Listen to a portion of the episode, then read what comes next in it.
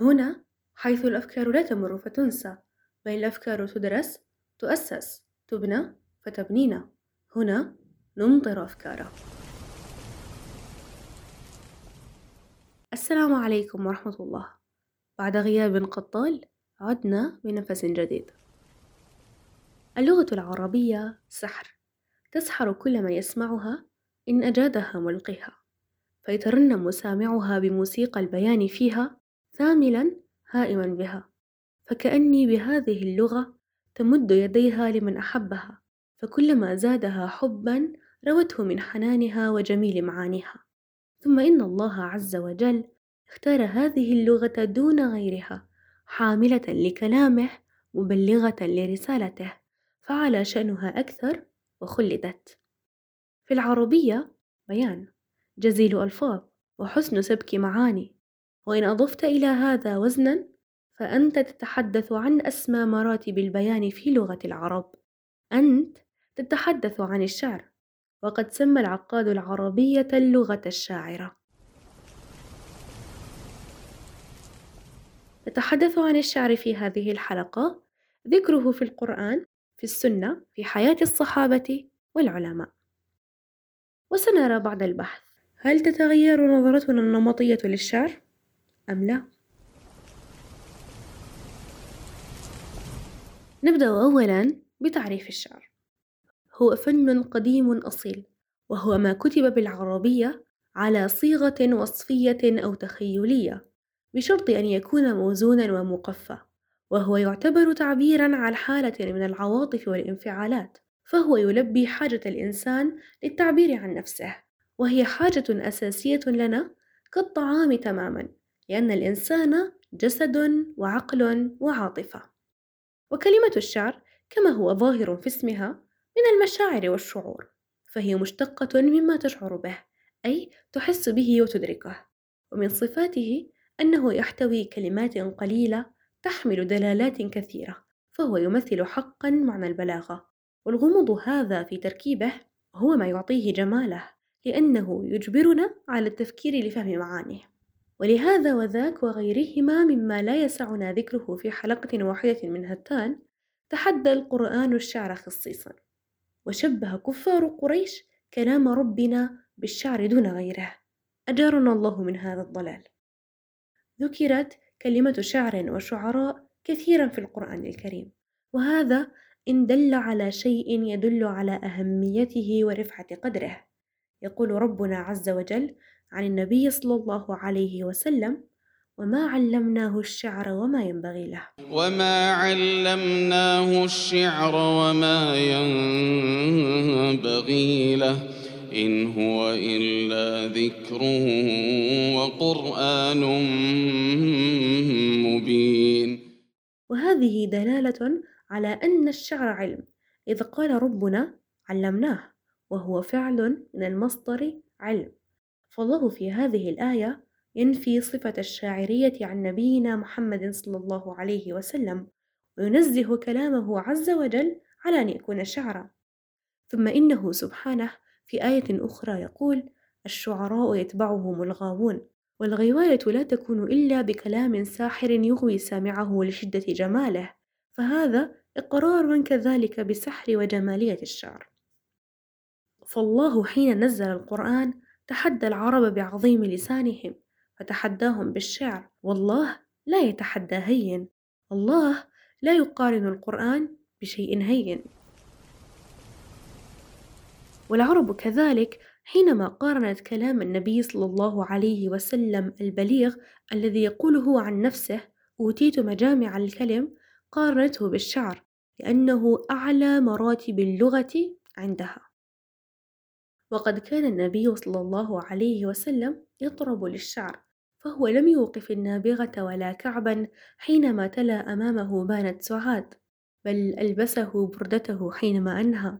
وسرى هذا في الأجيال وصار كل من يمدح النبي صلى الله عليه وسلم يسمى مديحه بردة. بانت سعاد فقلبي اليوم متبول. متيم إثرها لم يفد مكبول وما سعاد غداة البين إذ رحلوا إلا أغن غضيض الطرف مكحول. كما أنه صلى الله عليه وسلم طلب من حسان بن ثابت قول الشعر فعن كعب بن مالك أن النبي صلى الله عليه وسلم قال لحسان أهجهم فوالذي نفسي بيده. لهو أشد عليهم من وقع النبل. وكان يقول له قل وروح القدس معك. كما كان صلى الله عليه وسلم يستشهد بالشعر. فأنشد بيت لبيد ألا كل شيء ما خلا الله باطل؟ وقال هذا أصدق ما قال الشاعر. وهذا تأييد نبوي لأهمية الشعر.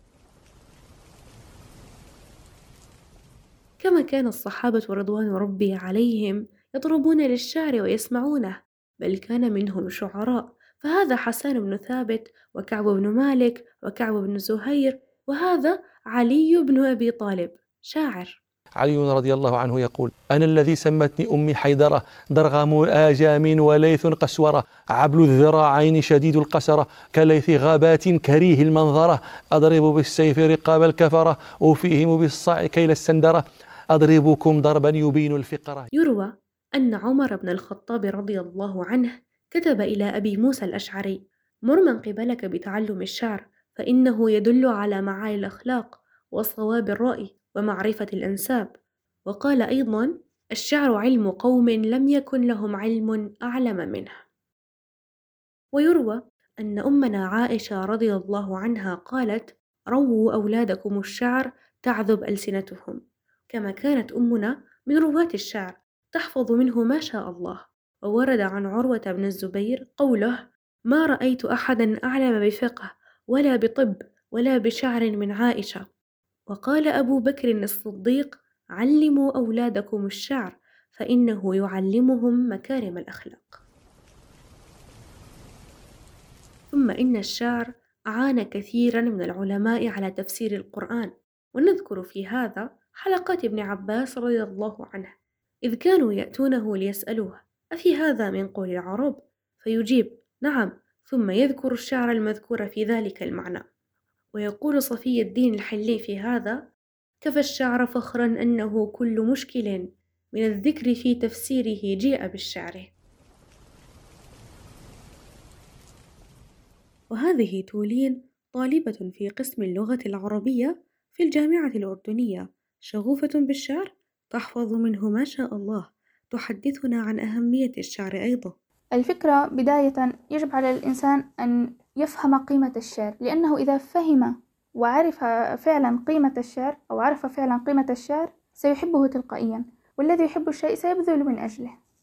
وأعلى كلام بشري آه، في كل اللغات بالمناسبة فيما أعلم يعني على الأقل في اللغة العربية أعلى كلام هو الشعر أعلى كلام بشري. إذا أنا لم أفهم ولم أتعرض لهذا الكلام العالي البشري لن أفهم آه كلام الله تعالى ولن أفهم ولن أعرف فضله على الشعر. إذا أنا بقيت في في في النصوص النازلة أو النصوص العادية وتعرضت لنص عال لن أفهم الفضل ولكن عندما أقارن أفهم ما فضل معلقة امرئ القيس مثلا ما فضل معلقة النابغة. ثم أقارن هذه العظمة بعظمة القرآن الكريم سأفهم أن القرآن الكريم هو كلام معجز ونص عال جدا. الشعر ديوان العرب ويقول فيه أبو فراس الحمداني هو ديوان العرب وعنوان الأدب. والشعر هو ديوان العرب والترجمان المفصح عما له من الأدب والصوان الحافظ لمآثرهم والسلك الجامع لمفاخرهم. به كانت تنال المطالب وتدفع المثالب. وتنال الرغائب وتملأ الحقائب. استعملته العرب في التغني بمكارم أخلاقها وطيب أعراقها وذكر أيامها الصالحة وأوطانها النازحة وفرسانها الأنجاد وسمحائها الأجواد لتهز أنفسها إلى الكرم وتذل أبناءها على حسن الشيم. فالشعر إذن أرفع مما عرفناه. وقد عرف العلماء قدره فنظروا إليه نظرة إكبار فتعلموه وعلموه وأوصوا بتعليمه. ثم إنا شئنا أم أبينا فقد رأينا تعرض الشعر لتشويه شنيع وما زال يتعرض إليه للأسف من بني جلدتنا ومن غيرهم ولا شك أن هذا التشويه ممن لا يفهمونه ولا يفقهون أهميته. فحق علينا اليوم نحن أن نذود عن موروثنا. ونصحح صورة مغلوطة رسمت عنه. فالشعر أسمى مراتب الكلام. حلوة حلو يعز به الإنسان وقبيحه قبيح ذمه الإسلام. إلى هنا أتمنى أن تنتفع بهذه الحلقة وتكون نظرتك للشعر تغيرت ولو بنسبة ضئيلة. نفعكم الله بما سمعتم وفي أمان الله.